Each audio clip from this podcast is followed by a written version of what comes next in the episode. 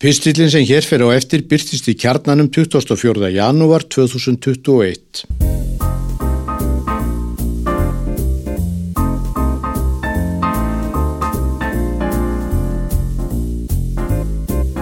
Hundrað ára afmæli kaffi fóðgól. Árið 1921 hafði orðið skyndi biti ekki verið fundið upp. Réttur sem íbúum kaupmanna hafna stóð þá í fyrsta sinn til bóða að segja hungrið með utan dyrra standand upp á endan varð síðar eins konar þjóðar einkenni dana og heitir Pilsa. Árið 1910 sendi hljómsveitastjórin Charles Svensen Stevens borgar yfirvöldum í Kaupmannahöfn bref.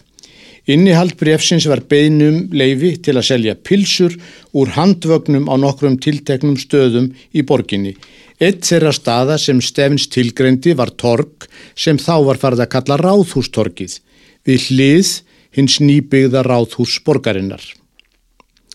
Bilsuvagnar á götuhornum og torgum voru ekki nýlunda þóttir væru óþektir í Danmörku á þessum tíma. Slíkir vagnar höfðum áratuga skeið þekst í Þískalandi og síðar í Svíþjóð og Noregi. Það var einmitt í Noregi sem hljómsveitastjórin Stefns hafði kynst þessum götu veitingastöðum. Hann hafði áður en hann snýri heim til Danmerkur verið stjórnandi hyrð hljómsveitar Hákonar sjöönda, Noregskonungs, í Kristjaníu, Oslo. Stefns sá fyrir sér að pilsuvallar eruðu góð viðbót við fremur fábreyta flóru veitingastada dönsku höfuborgarinnar. Borgarífurvöld og lögreglan í Köpmannhöfn voru ekki upprifin yfir hugmynd hljómsveitarstjórans og sinjuðu beðninni. Meðal rauksemda yfirvalda var að það er því leiðinleg sjón að sjá fólk standa utan dýra og borða pilsur.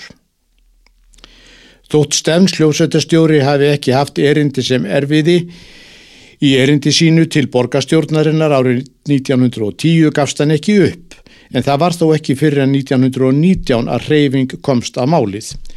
Í oktober það ár lagði ennst Kaper borgastjóri fram tillögu í borgastjórn. Hann hafði þá lengi átt í deilum við veitingahúsa eigendur í borginni, deilumálið var verðlagning á veitingum. Borgastjóri vildi að verðlag á veitingahúsum virði samræmt þannig að allstaðar væri sama verð, verð sem borgin skildi ákveða. Rökin voru þau að matur og veitingastöði væri allt of dýr.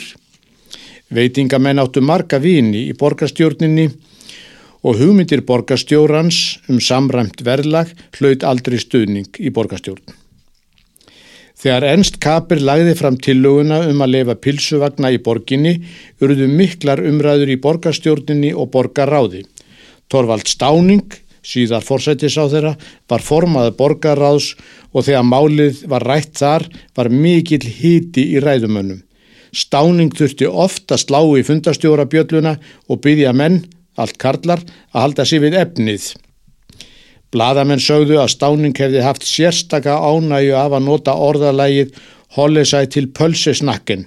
Í þessu var ákveðin tvíræðni því í dönsku merkir orðið sem er lítið nota nú orðið nefnilega slúður og blaður um allt og ekkert. En leifið fegst á endanum. 18. janúar 1921 byrtust sex pilsuvagnar á torkum Kaupmannahafnar þar á meðal á Ráðhústorkinu. Einn réttur var í bóði, venjuleg pilsa hituði vatni og rúnstykki. Pilsan kostiði 25 öra og brauðið 5 öra.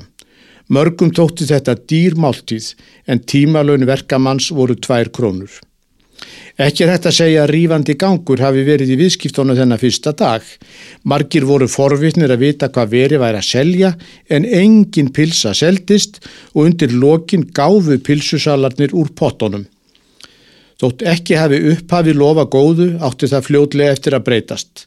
Pilsuvagnar byrtust á næstu árum á æfleiri stöðum um land allt og úrvali jógst smá saman. Grunnurinn hefur allatíð verið sá sami, pilsa og brauð.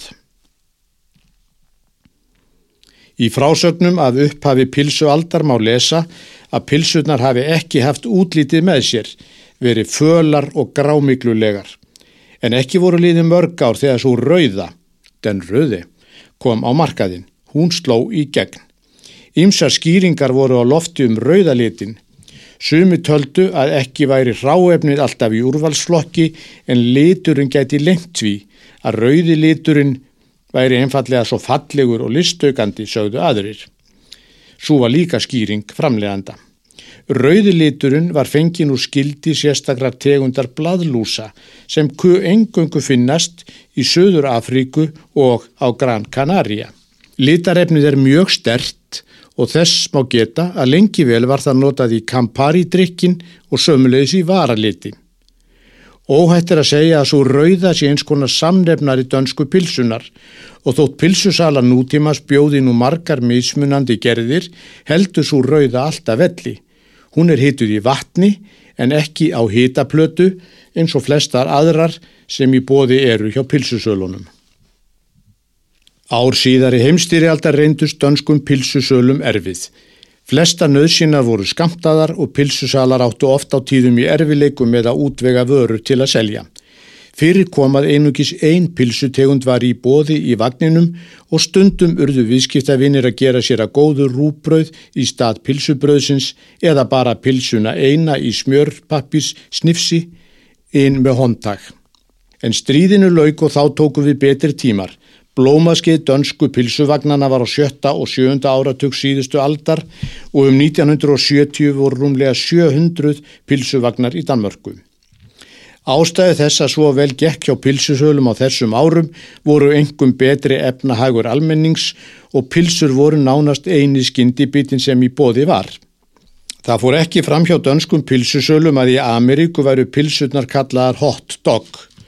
Þeir dönsku auglistu þess vegna varmi húnni eftir amerikansk reseft.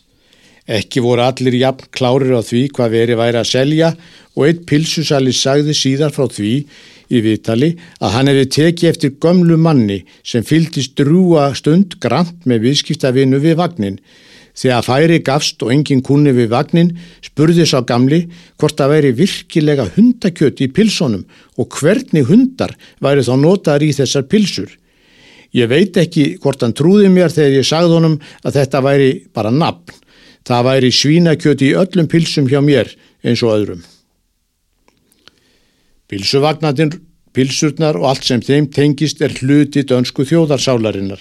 Ótal bækur hafa verið skrifaðar um þetta efni og margir danir hafa mjög ákveðna skoðanir á því hvaða pilsu séu bestar og vilja einungis sína tegund. Danir eru duglegir við að gefa hlutum nöfn og það gildir sannarlega um pilsurnar. Ekki nokkur leið að fara yfir þá nafnasúpu í pisli sem þessum en þó er rétt að nefna hér eitt þessara nafna.